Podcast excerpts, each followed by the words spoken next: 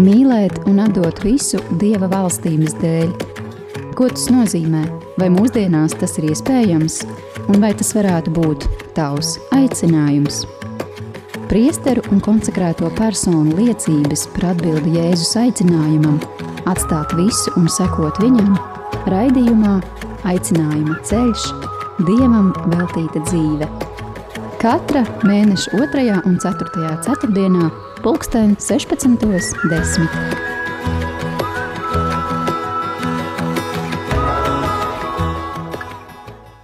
Esiet sveicināti rādījumā arī Latvijas klausītāji pirmajā raidījumā Aicinājuma ceļš, Dievam veltīta dzīve. Ar jums runā un raidījumu turpmāk vadīs es, māsa Gunta. Un māsa Anna. Slavēts Jēzus Kristus!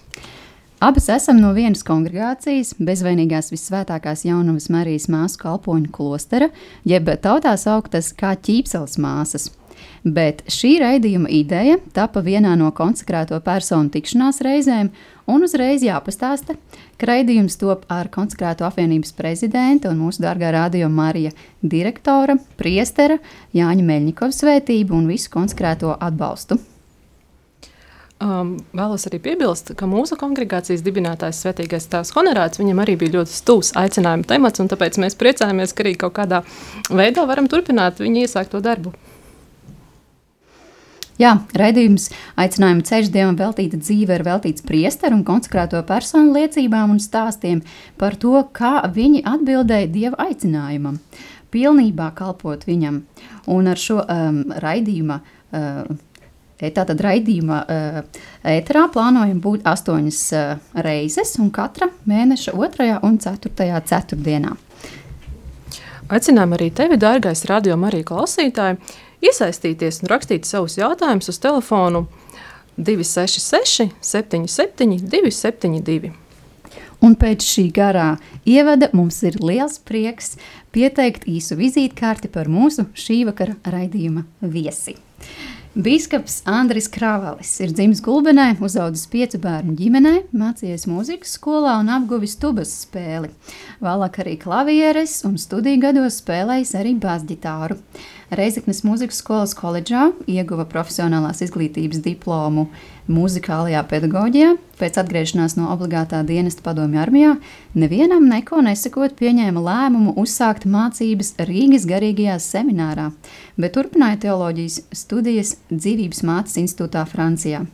Šogad apri 24 gadu priesterībā un kopš ordinācijas Kalpojis dažādās draudzēs Latvijā un Francijā, bijis atbildīgais par jauniešu darbu, strādājis um, kā Rīgas katoļu ģimnāzijas kapelāns, bijis tā sauktā mazā semināra prefekts, garīgā semināra garīgais tēvs un kā docētājs darbojas Rīgas augstākajā reliģijas zinātņu institūtā, kā arī Rīgas teoloģijas institūtā. Jau 13 gadus kā prāvests kalpo Rīgas Svētās Marijas Magdalēnas draudzē, bet 2019. gada 4. maijā ordinēts par Rīgas arhidiecēzes palīgu bīskapu. Brīvajā laikā bīskaps noteikti pastāstīs, ko viņš mīl darīt.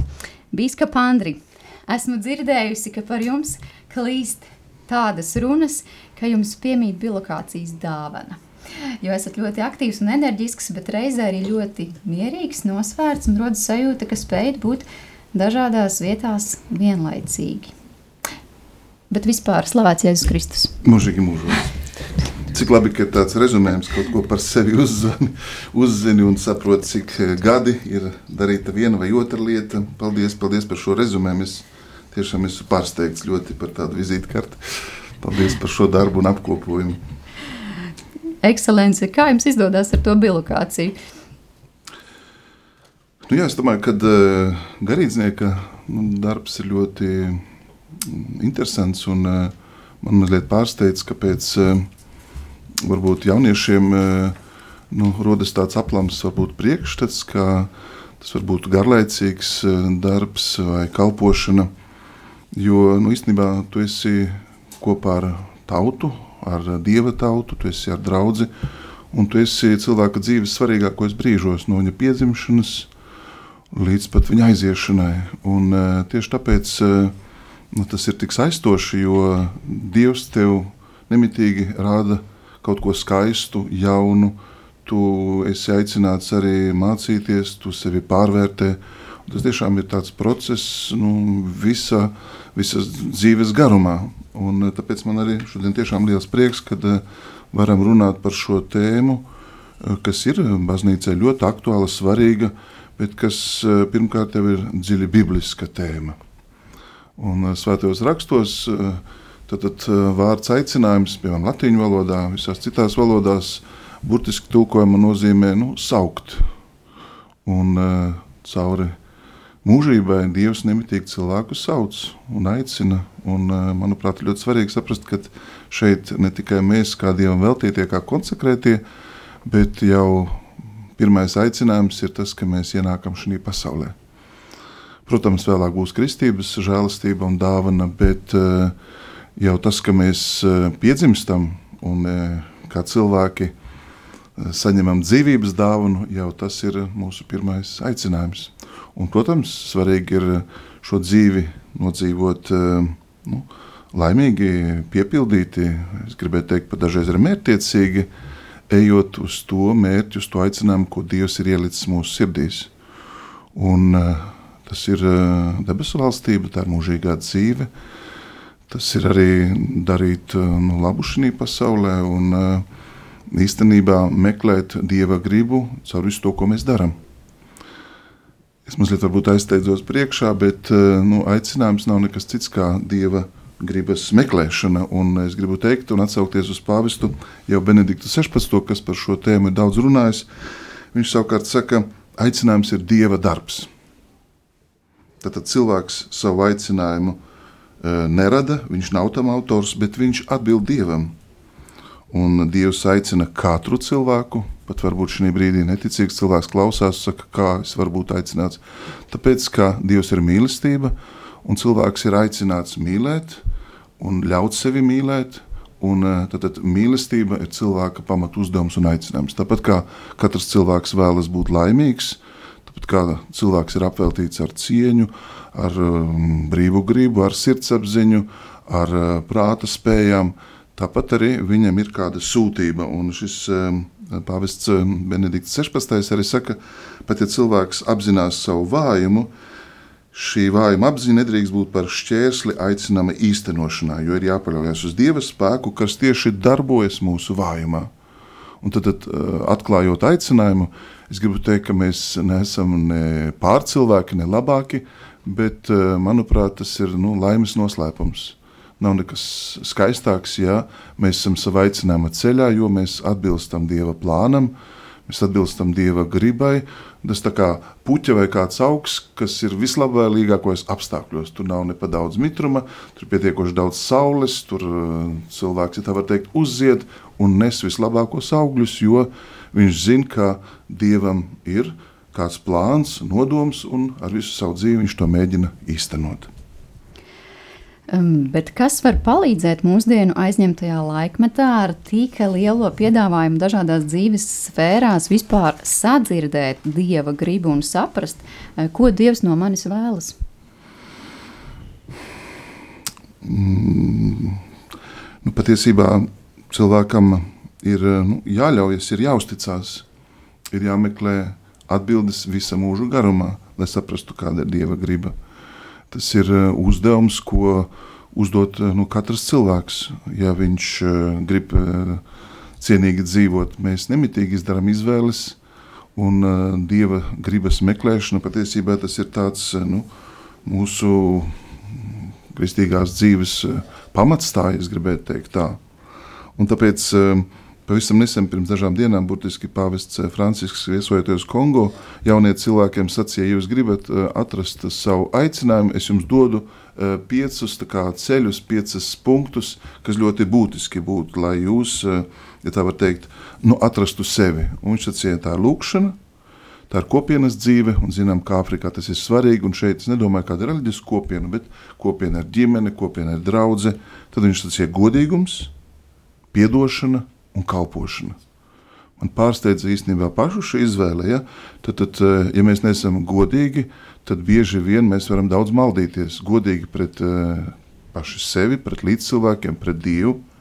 Un tad arī īpaši Āfrikas valstīs, tur, kur Dienvidsudānā un um, Kongo bija pāvests, tad atdošanas jautājums ir ļoti, ļoti svarīgs, ļoti nozīmīgs. Varbūt mums uh, ir varbūt ne visai vienmēr saprotami, kam ir jāpiedod vai ir jāpieņem atdošana, un, protams, arī kalpošana. Tieši kalpojot, cilvēks sevi atklāja, cilvēks sevi, ja tā var teikt, arī iepazīst, un tādā veidā caur kalpošanu viņš īsteno savu aicinājumu. Es domāju, ka lielākajai daļai mūsu klausītāju noteikti jau ir skaidrs, kas ir uh, priesterība, kas ir konsekrētā dzīve, bet varbūt tās tomēr jūs varētu vēlreiz to paskaidrot un arī pie reizes pa, paspadalīties, kādēļ vispār pasaulē ir nepieciešama konsekrācija uh, šīs stāvoklis, teiksim tā. Jā, tad, tad um, varbūt mazliet atkārtošos, bet manuprāt ļoti svarīgi ir visiem klausītājiem pateikt, ka uh, mums ir pamataicinājums, kas uh, mūs ieved eh, Dieva bērna stāvoklī, un tā ir kristība. Un tas ir vissvarīgākais. Tas ir man un jums, eh, un visi pārējie aicinājumi ierakstās kristības sakramenta žēlastībā. Un, protams, eh, tad ir specifiski priestera konsekrētā klostera brāļa, klostera māsas aicinājums, bet tieši šis pirmais pamata aicinājums ir ļoti nozīmīgs un svarīgs. Tad, tad es gribu teikt, ka man kā priesterim šī mana kalpošana um, ir vēlme nu, īstenot dieva gribu savā dzīvē, un šo dieva gribu es iepazīstu, un viņa man ir atklājusies tieši caur kristības sakramentu. Tad, tad katrs mēs savā veidā izdzīvojam šo savu aicinājumu, kā Dievs un kur mūs sauc, bet tas mūs nenostāda pārākus, kā bieži, bieži vien mēs domājam nu, runā bīskaps, un viņam tad varbūt ir eh, kāds īpašāks aicinājums. Nē, visi ir aicinājumi ir domāt, lai kalpotu Dieva tautai, lai bagātinātu Dieva valstību, nu, kas jau ir iesākusies mūsu dzīvē. Un tāpēc mēs viens otram esam nu, ļoti svarīgi un nepieciešami. Tad es gribu teikt, ka tā ir tāda uh, aicinājums, ir sevis veltīšana uh, konkrētā nu, vietā, laikā un ar konkrētu sūtību, uzdevumu un kopienu. Tāpat eh, kā piemēram nu, laulātie dibina ģimeni, izvēlas eh, viens otru un dzīvo uzticībā, tieši tāda pat uzticība tiek prasīta arī mums. Tad, tad īpaši Vatikāna otrais koncils uzsver, ka ir universāls aicinājums uz svētumu. Un tas ir mūsu pienākums, mūsu dzīves uzdevums. Bet kā dieva tauta, ejot uz priekšu, tad ir dažādi specifiski aicinājumi, Piemēram, e, jūs man jautājat par konsekrēto dzīvi. Tad, tad nu, ja nebūtu konsekrētās dzīves, dievam, dieva valstībai kaut kā pietrūkt. Un katrs cilvēks, kas atbild uz šo aicinājumu, bagātina pirmkārt jau baznīcu, otrkārt viņš atbild tam tai prasībai, ko Dievs noslēpumainā veidā, uz ko viņš viņu aicina. Un atbildot, viņš tad arī kļūst laimīgs, piepildīts. Viņš vislabāk izdzīvo to savas dzīves ceļu, viņš visātrāk arī nonāk pie sava teikt, mērķa un uh, kalpo dievam nu, tajā ceļā, ko Dievs viņam ir atklājis. Un tāpēc uh, ir ļoti dažādi specifiski aicinājumi. Uh, Katehisms salīdzina baznīcu ar koku, kur ir uh, tātad, nu, dažādi zari, dažādi putni, kur uh, koks, ja tā var teikt, uh, nu, simbolizē šo kopību. Jo visi aicina, lai kā tie nebūtu, tie ir aicināti, lai dotu dzīvību, lai savstarpēji viens otru stiprinātu, lai uzturētu nu, dievu mīlestību, svētumu tad, tad, uh, baznīcas vidū. Es nezinu, vai es jūs pārliecināju, bet konsekrētā dzīve ir tāpēc, lai cilvēks nodzīvotu jēgpilni, piepildīti, uh, Un, eh, tāpēc, ka viņš eh, nu, tādā veidā atbild vislabāk tam, uz ko Dievs viņu aicina. Dažreiz cilvēki var teikt, vai tad obligāti jākļūst par konsekrēto. Es tāpat varu uh, nodarboties ar žēlsirdību, un uh, vai tad obligāti man ir jāiet šis uh, baznīcas piedāvātais ceļš, jāsaliek solījumi. Ļoti radikāli. Uz visu mūžu, un priekš kam tas jādara? Un, uh, man patīk ļoti, ļoti atbilde viena, ko īstenībā deva viena klostera māsa, kādā publiskā intervijā viņa uzdeva šo jautājumu. Teica, kāpēc māsa jūs tad, nu, izvēlēties tieši baznīcu un šo kopienu? Un māsa mazliet minstinās. Viņa sacīja, nu, es gribu darīt labu, es gribu lūgties, es gribu uh, svēti dzīvot, un visu laiku bija es gribu. Līdz kamēr beigās viņa saņēmās, iekšēji palūdzās un sacīja, bet tāpēc, ka Dievs to tā grib, tā ir Dieva griba. Tad aicinājums nāk no Dieva, un mēs tikai atbildam, un to ir svarīgi paturēt prātā. Mēs uh, neizvēlamies savu ceļu, bet mums ir pārliecība, ka mēs esam saukti. Tā kā pirmie vārdi Bībelē, ko Dievs saka, Ādam, kur tu esi? Un viņš tāpat arī, es domāju, caur šo raidījumu saka, nu, kur tu esi savās izvēlēs, ar savu stāju, vai tu esi gandarīts un piepildīts ar savu dzīvi, vai tu to tiešām gribi nodzīvot izcilā veidā. Domāju, šeit Ukraiņu tauta mums nu, atgādina šo tādu nu, varonību, jo aicinājums un aicinājuma izvēle ir Eh, kā jūs sacījāt, tikko nu, tādu radikālu stāju. Es izvēlos šo ceļu, jo zinu, nu, ka tas būs radikāls, bet tas būs visvairāk auglīgs un efektīvs priekš manis. Es neesmu atradis labāku vietu kā baznīcu, kur tātad es eh, varu nu, būt eh, Dieva mīlēts un mīlēt, būt gandarīts, būt ar brāļiem un māsām, un vislabāk arī dzirdēt Dieva balsi šajā pasaulē. Bet, vai var būt tā, ka cilvēkam ir, viņš saprot, jā, tas varētu būt mans aicinājums, bet tā teikt, spirinās pretī dieva gribai un izvēlās savus ceļus, vai arī šādā mm, situācijā cilvēka dzīve var būt svētīta, vai, piemēram, izvēloties savu ceļu un nepieņemot dieva aicinājumu, mana dzīve var būt laimīga. Es teikšu, tā ir trīs plāni. Tavs plāns, mans plāns, savs plāns, ir citu cilvēku plāni un ir Dieva plāns. Tad jautājums, kādā līmenī mēs esam. Un Dievs jau turpina mūs mīlēt, ja varbūt mēs spējam garām šim ceļam vai pabraucam šai pieturēji garām. Mums varbūt ceļš būs garāks, bet Dieva mīlestība neapstāsies. Ja tā var teikt, Dievs pārkārtosies un piemērosies man, bet tomēr mēs būsim palaiduši garām kādu izdevību. Un mēs eh, tad, tad to zinām no, protams, Dieva vārda. O Dieva vārds ir aicinājumu grāmata. Nemitīgi Dievs eh, sauc, meklē, Dievs dažādos veidos sapurina cilvēku, Dievs pat pieļauj dažādus atgadījumus un pārbaudījumus, lai tikai cilvēks, tā var teikt, nu, nonāktu līdz eh, tam ceļam, kur viņš pats jūtas vislaimīgs. Un es domāju, ka tas, ko jūs sacījāt, ka mēs spirnamies pretī, es domāju, mēs to darām ikdienas kad mums ir izvēle starp uh, lūkšanu un kalpošanu, kad mums ir izvēle starp kādu žēlsirdības, tuvāk mīlestības darbu vai savu komfortu un savām vajadzībām.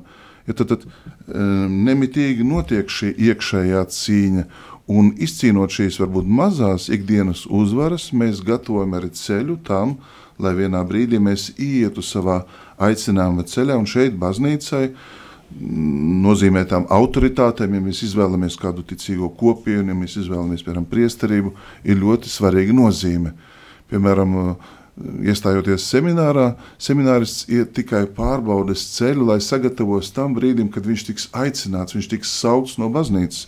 Viņš tikai šajā ceļā pārliecinās, un tieši tāpat arī Dievam veltīto konsekrēto dzīvē ir posmi, ir postulāts, ir pirmie solījumi, otrie solījumi, mūža solījumi.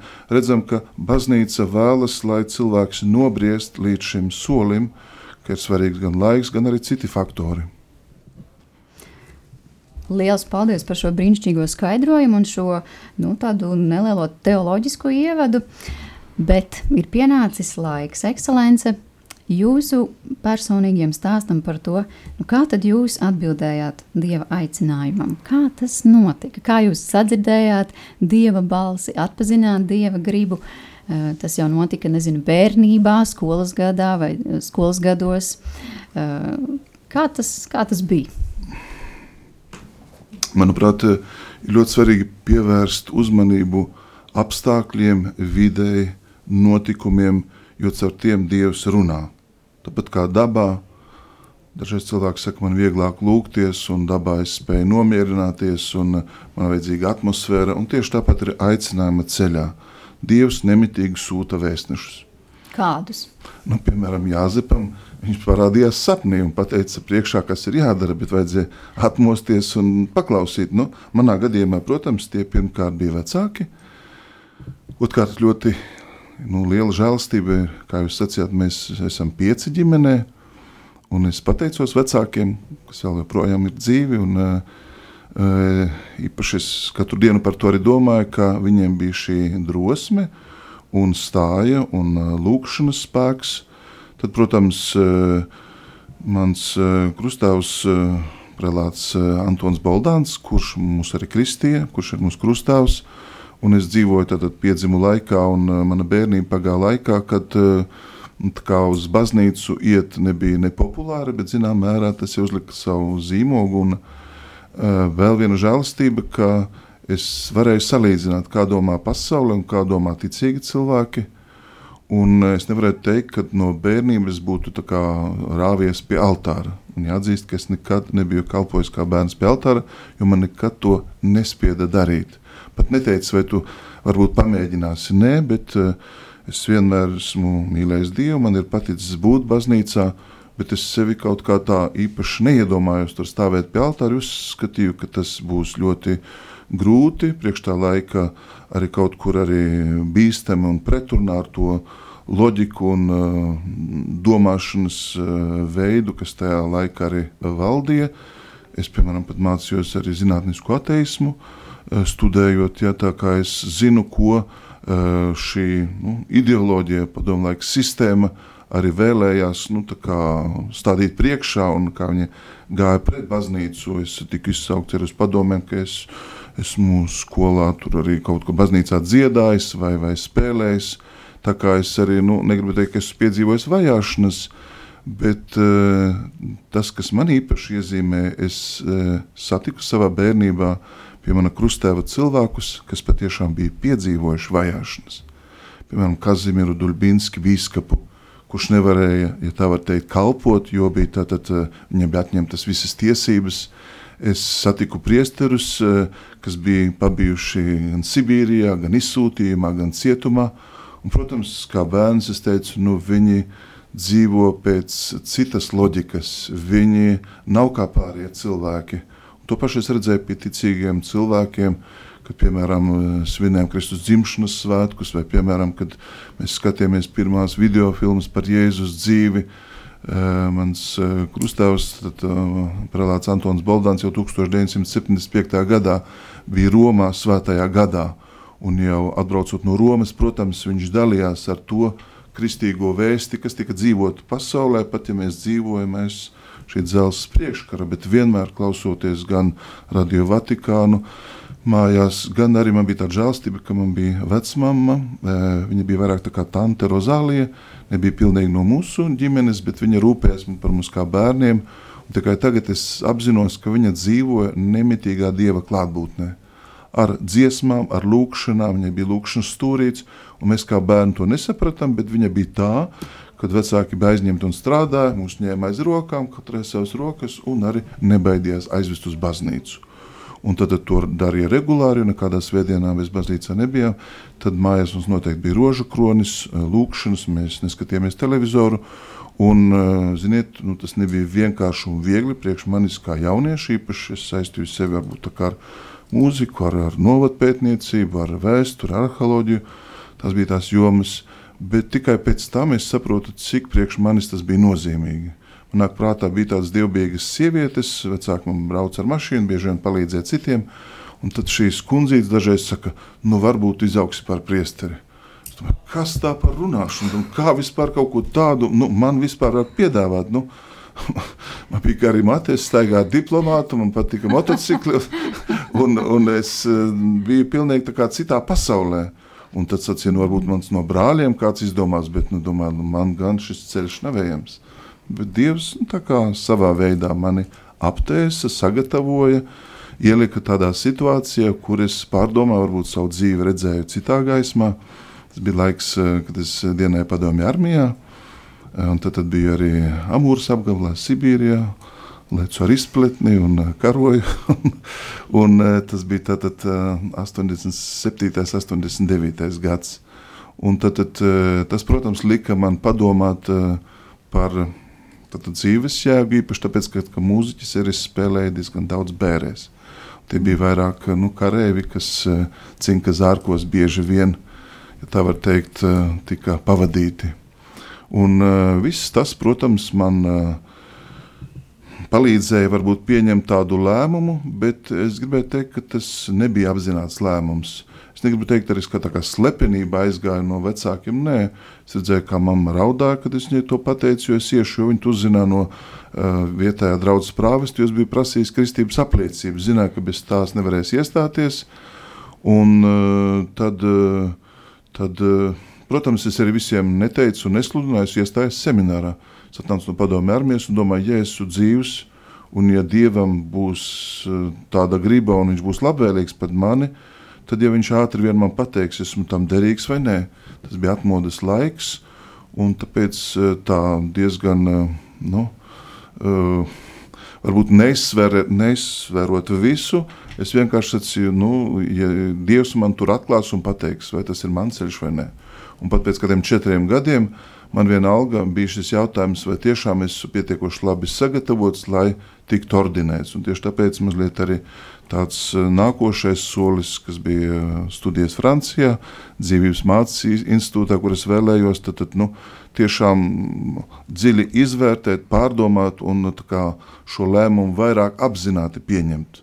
Un visbeidzot, ja man jautājat nu, par biskupa aicinājumu, tad tur nevarēja daudz domāt ilgi.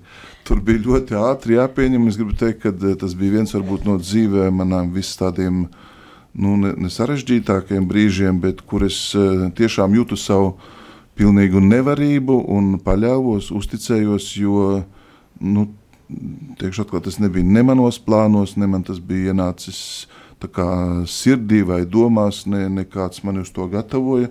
Bet es gribu teikt, nu, arī tad eh, tu spēr to soli, un uh, šajā gadījumā tu vēl daudz vairāk apzinājies, uh, cik. Uh, cik, ja tā var teikt, šī sūtība uzliek tev jaunus izaicinājumus. Es gribu teikt, ka es varbūt vēl vairāk tā iekšēsot Karmā klosterī to nedēļu pavadīju, jo it kā vēl teorētiski bija iespēja pateikt arī, nu nē, un, jā, un, tas prātā nav jārunā, bet man mamma pajautā, kāpēc tu neteici nē. Nu, tāpēc, kad uh, es saprotu, ka uh, nu, Pāvils Francisks uh, tad, tad man aicināja un lūdza, un man bija jāizdomā iemesli, lai pateiktu nē. Nu, man tāda iemesla īsti nebija, jo nu, es zinu, ka kalpot nozīmē sevi atdot, sevi dāvāt, sevi nu, nepaturēt sevi, bet nu, mīlēt nozīmē visu atdot un atdot sevi pašu. Un tas bija vēl no jauna viens aicinājums, tāds posms, izaicinājums. Uh, Es domāju, varbūt to stāstu tikai tāpēc, ka mēs nemitīgi esam aicināti pārceļoties uz jaunu draugu, uz jaunu vietu, eh, piedzīvot jaunus apstākļus, jaunus izaicinājumus. Mēs esam spiesti pārkārtot, un nemitīgi mums, ja tā var teikt, ir nu, jāprecizē tas savā aicinājuma kompass, un Dievs to vislabāk zina, kā to darīt, ja mēs viņam uzticamies. Brīnišķīgi, paldies. Man liekas, jūs esat izstāstījis jau um, ļoti īsā laikā ļoti daudz.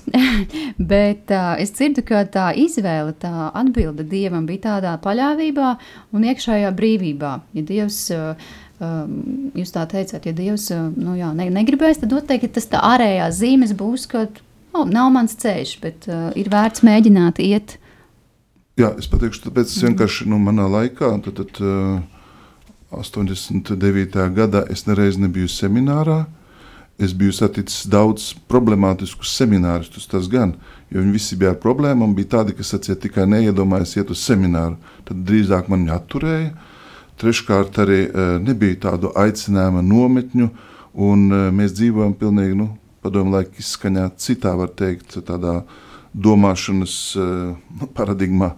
Un, tāpēc nu, nevarēja būt tā, ka es būtu nobriedis, izsvēris vai gatavojies šim solim. Nē, bet es domāju, ka Dievs bija tas, kas noslēpmainā veidā uh, nu, mani gatavoja. Bet uh, teikt, mans prāts un griba uh, bija varbūt kaut kur pavisam citur. Tajos manos plānos, kā es dzīvošu, ko es strādāšu, ko es izvēlēšos. Uh, bet svarīgi tādā brīdī, vienā brīdī teikt, nu jā. Un, uh, ja jau tu to saki savā spēkā, tad tas, protams, ļoti bīstami. Bet, ja tu uzticies un saki ticībā, jā, kungs, es gribu to, ko tu gribi, es vēlos, ja tu to vēlies. Nu, ja tā kļūst par tavu lūgšanu, tad, zināmā mērā, tas ir drošībā, jo paklausot, nekad tu nekļūdīsies, ja tā ir dieva griba, ja dievs tevi mudina uz to. Un tāpēc es domāju, nu, mēs nekad nebūsim zaudētāji, ja vairāk uzticēsimies Dievam. Varbūt ar tādu pārliecību es arī gāju šo ceļu un turpinu iet. Uzticībā Dievam. Bīskaps Andris Krevelis raidījumā aicinājuma ceļš Dievam veltīta dzīve. Klausīsimies dziesmu.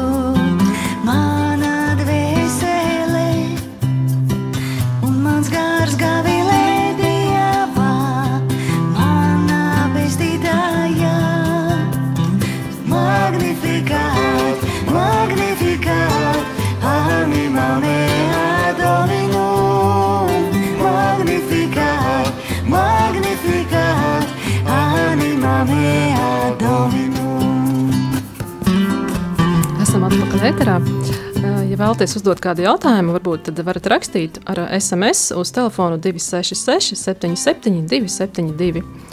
Un tagad eh, nolasīšu kādu, kādu tādu stāstījumu. Uh, jā, un par biskupu Andri patiesībā tas būs. Ko ir teicis kāds tūs viņam cilvēks. Bija sajūta, ka viņš iet savu ceļu un ka ir savas dzīves veidotājs. Jūtu, ka Andris Dievu vēlas izprast dziļāk, pamatīgāk, aizrautīgāk, ka ir kaut kam vairāk domāts.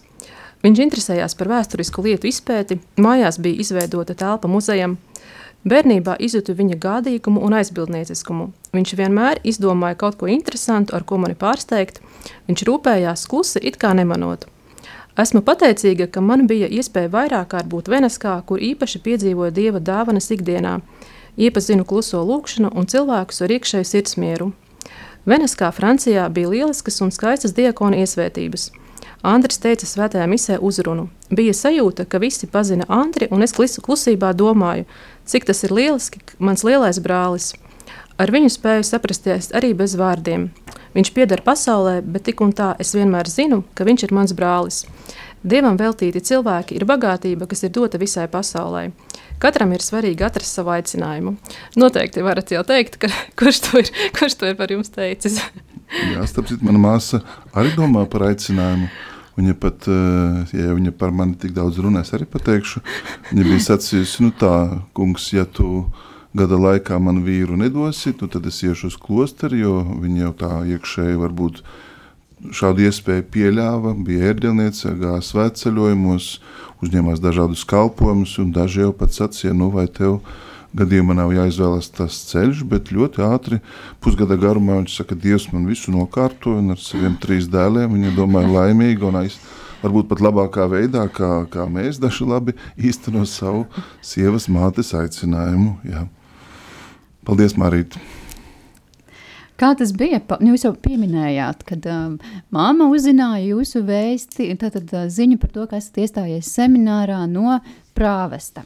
Kā tas bija pateikt brāļiem, draugiem? Jūs arī teicāt, ka īpaši tur tā neskandinājāt, bet tomēr tas Viens brālis bija armijā, un tad, kad es jau biju iestājies un mācījos, tad varbūt eh, tieši nu, tas, ka Dievs man aicināja, jau biju seminārā, palīdzēja viņam labāk arī nu, man sekot. Tā vismaz arī viņš pats to pateica, jo, lai nepazaudētu gadu, viņš jau rudenī iestājās, tika uzņemts un atnāca kādā oktobra mēnesī un jau varēja uzsākt semināru.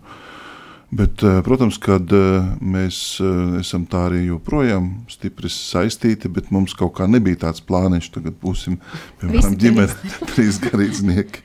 Es domāju, ka, protams, tas nu, laiks bija pavisam citādāks laiks, un tas laiks ir jāsaista ar atmodu cilvēkiem arī bija šīs brīvības alkas, bija dažādi izaicinājumi. Cilvēki domā par barikādēm, nostājas pret metro, Rīgas, Rīgā celt metro. Tad, tad es domāju, ka vajag savā dzīvē arī būt nu, drosmīgam. Un dažreiz te Terēze no Avilas, no, no Jēzus saka, īstenībā vajag tādu trakuma graudu. Uh, viņa arī saka šos vārdus pasaulē liesmās, nu, ko tad mēs darām, vai mēs uh, atbildam šim izaicinājumam, kas mums tiek piedāvāts. Un, ja cilvēks sajūt, tad, eh, protams, tas ir kaut kur arī pret, varbūt, eh, gan, es negribu teikt, aicinājums pret veselo saprātu, bet tas ir noteikti ceļš pret straumi, tas ir noteikti eh, nepopulārs šodien lēmums, bet tieši jau tādā veidā nu, mēs īstenojam nu, evaņģēlie prasības, nepiemēroties šai pasaulē, netopiet tai līdzīgi, bet uh, atjaunojoties Kristu, lai Kristus atziņa ir jūsu dzīves mēraukla.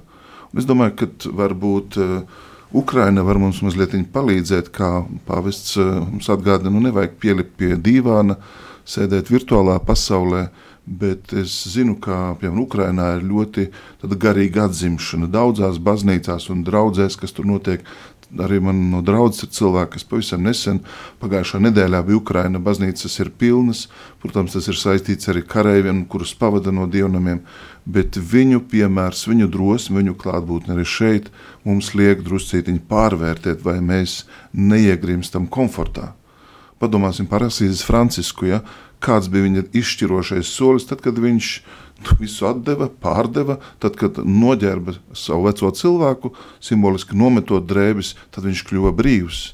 Es domāju, ka šodien tas lielākais izaicinājums, vai mēs tiešām esam pietiekoši brīvi. Aicinājums nav kaut kāda ideja starp daudzām izvēlēm, bet uh, tas ir mīlestības, brīvības, patiesības jautājums. Uh, Svētais Don Bosko, Jānis Bosko, saka, ka katram trešajam jaunietim ir aicinājums ne jau vispār aicinājums, bet aicinājums uz garīgo kārtu, aicinājums uz kalpošanu dievam. Iedomājieties, ja cik mums būtu jābūt tādam zināmam. Katram Tāpēc, trešajam. Katram trešajam viņš aptuveni vidēji pēc tiem jauniešiem, ar kuriem viņš strādāja, un kā svētais savs ar autoritāti, viņš kā audzinātājs, jauniešu audzinātājs to saka. Jūs zināt, ka Dievs komunicē viņam arī gan caur sapņiem, dažādiem redzējumiem, un viņš jau redzēja cilvēku dvēselēs. Bet to sakot, es domāju, ka ne jau ir skaits svarīgs, bet svarīga ir kvalitāte un būt cilvēkam savā vietā, jo mēs arī aicinām varam viegli pazaudēt seminārā, un starp semināristiem es redzu, ka daži pilnīgi piedzimst eh, ar aicinājumu, bet daži atnāk to meklēdami, daži izkopj un nonāk līdz izvēlei, bet daži var arī to pazaudēt. Un tāpēc mēs patiešām vienmēr esam brīvi šī ceļā, mēs arī varam šaubīties. Jā, un šajā sakarā vēlējos pajautāt, Ko darīt tad, ja, piemēram, ģimene nav tik pretīm nākoša un, un ir jādzird pat tādi ļoti kategoriski um, no izteicieni vai nu, vai nu mēs, ja, vai, vai Dievs. Un, uh, Šeit tad uh, nāks arī dzirdēt uh, tādas šaubas, nu kā atstāt ģimeni, sabojāt, saraut attiecības. Um, nu, es to nespēju pārdzīvot, pieņemt, piemēram, tur attiecības ar mammu vai, vai kādu citu um, tuvinieku. Nu, cik tas ir arī morāli, piemēram, pieņemami, ja es apzinos, ka nu, tas prasīs tādu lielu upuri, pat varbūt uh, attiecību pāraušanu. Pirmkārt, izvēloties dieva ceļu, mēs nekad neko nezaudējam, bet iegūstam. Mēs atdodam sevi, lai iegūtu visu, jo esam ar Dievu. šādu pārliecību es arī uzturējos Francijā studiju laikā, jo man ļoti skaidri lika saprast, un es arī to varu kā, no savas pieredzes apliecināt, ka Dievs parūpējas gan par tavējiem, gan par tavu ģimeni. Ja tu iesi šo Dieva ceļu, tad, ja tā var teikt, uztici man savas rūpes, un Dievs par tevi gādās. Kā Vilas Terēze viņš saka, ja tu rūpēsies par manu godu, es parūpēšos par tavējo. Mēs neejam kādā ideoloģijā vai kādā, nezinu, tādā jaunā virzienā, bet mēs ejam tajā cilvēka visdziļākā aicinājumā, kas ir katra cilvēka sirdī. Meklēt Dievu, būt brīvam, mīlēt, piepildīt savu dzīvi, un šis ir tas privileģētais ceļš. Tad, tad jāsaprot, ka tas ir milzīgs pakalpojums Dieva tautai, ja mēs esam saņēmuši šādu aicinājumu. Un es domāju, ka daudzi noskumst un, ja tā var teikt, nesaņem nu, pestīšanas vārdu un evaņģēlie vēsti, ja mēs vienkārši to neizdaram. Protams, ka Dievs ir brīvs, bet uh, atcerēsimies uh, bagāto jaunekli, kad uh, viņš aiziet noskumis, un ar Jēzus īstenībā ar ļoti tādu noskumušu skatienu viņu pavada, jo viņš ir palaidis garām savu izvēli. Viņš saņēma mīlestību, ja es uzlūkoju viņu ar mīlestību, viss viņam tika dots, lai izdarītu šo izvēli, bet Jēzus neskrēja viņam pakaļ. Un tāpēc uh, daudz svētie tieši nu, izdarot šo, šo izvēli, kļūst brīvi, un uh, Dievs var mūs vadīt par tik, cik mēs sevi viņam uzticam. Ja mēs neesam gatavi saraut kādas saites, uh, tad iespējams, ka arī laulības dzīvē mēs ļoti cietīsim un nespēsim nodibināt ģimeni nu, pēc kristīgās dzīves ideāla, jo uh, kāda uh, varbūt saikne būs pārrauta, uh, būs kādas citas problēmas, kuras mēs piedzīvosim.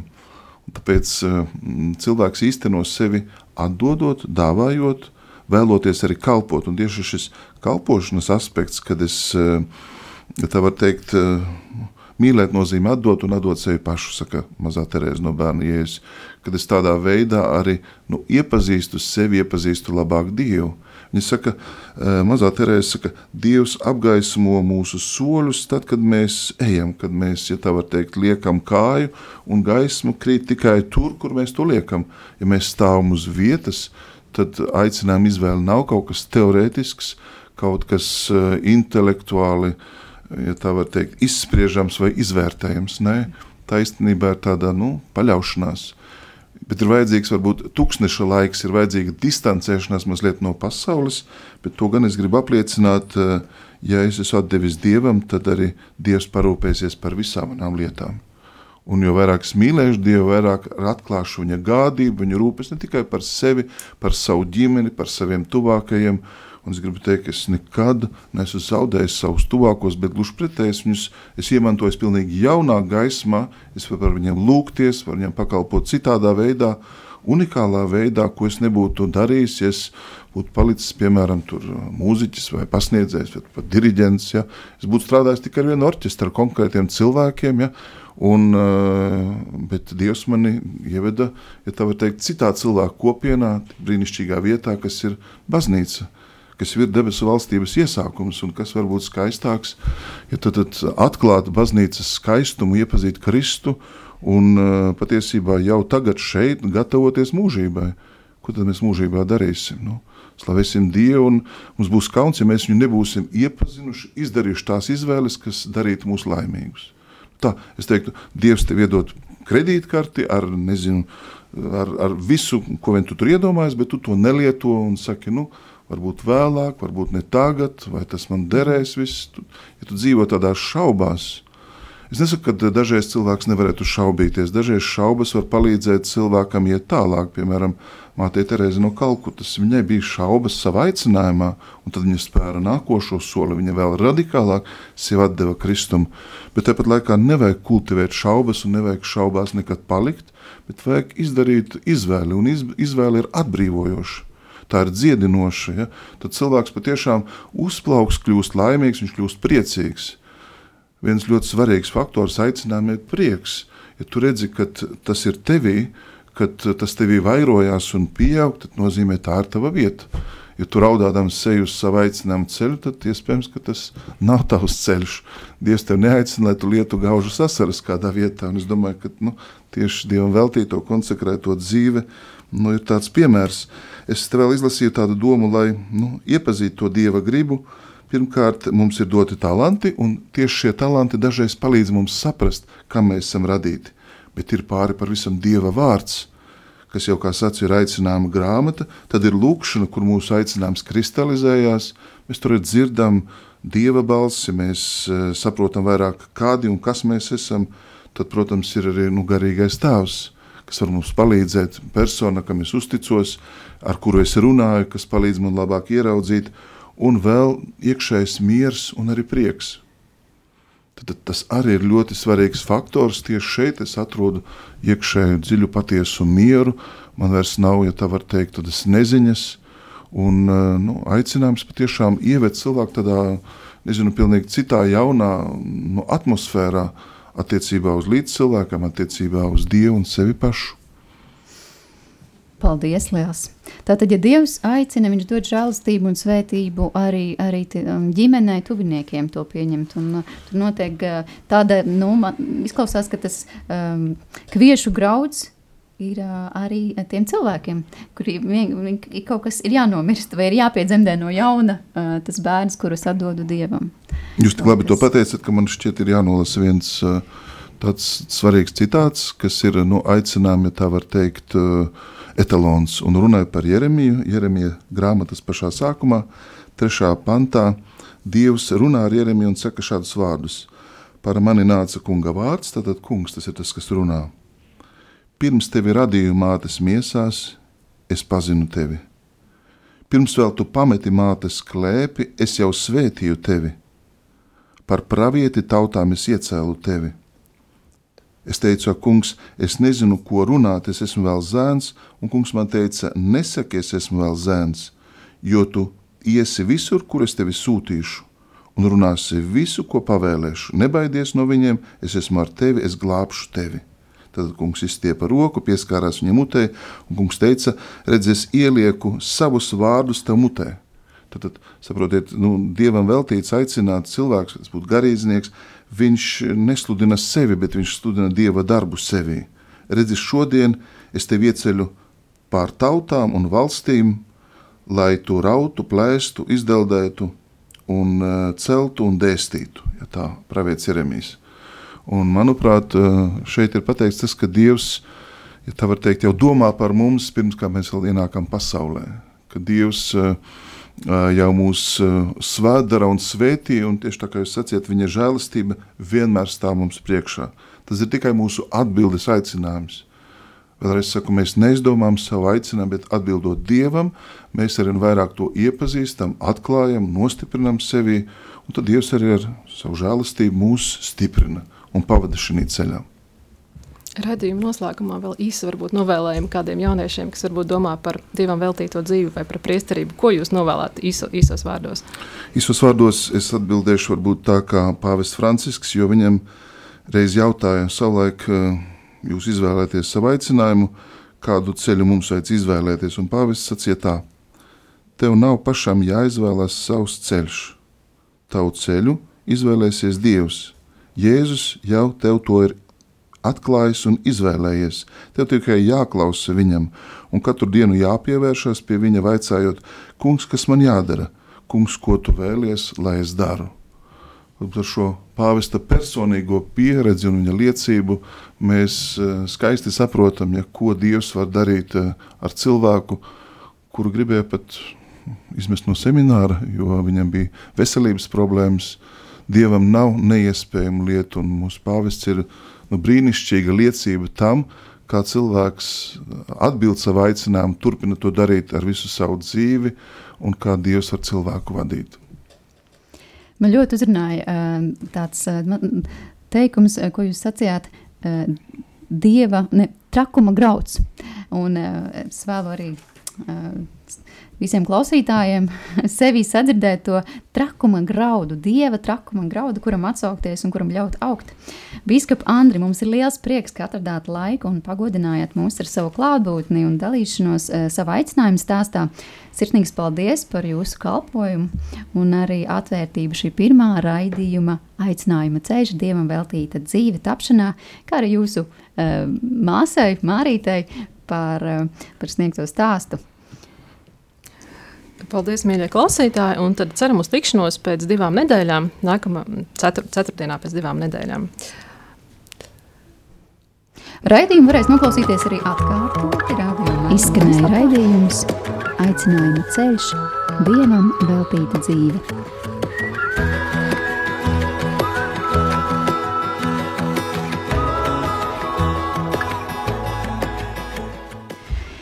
Raidījumu veidoja māsa Gunta. Māsa Anna pieskaņu pults Aija Avotiņa. Lai mums visiem svētīgs ceturtdienas vakars uz tikšanos pēc divām nedēļām!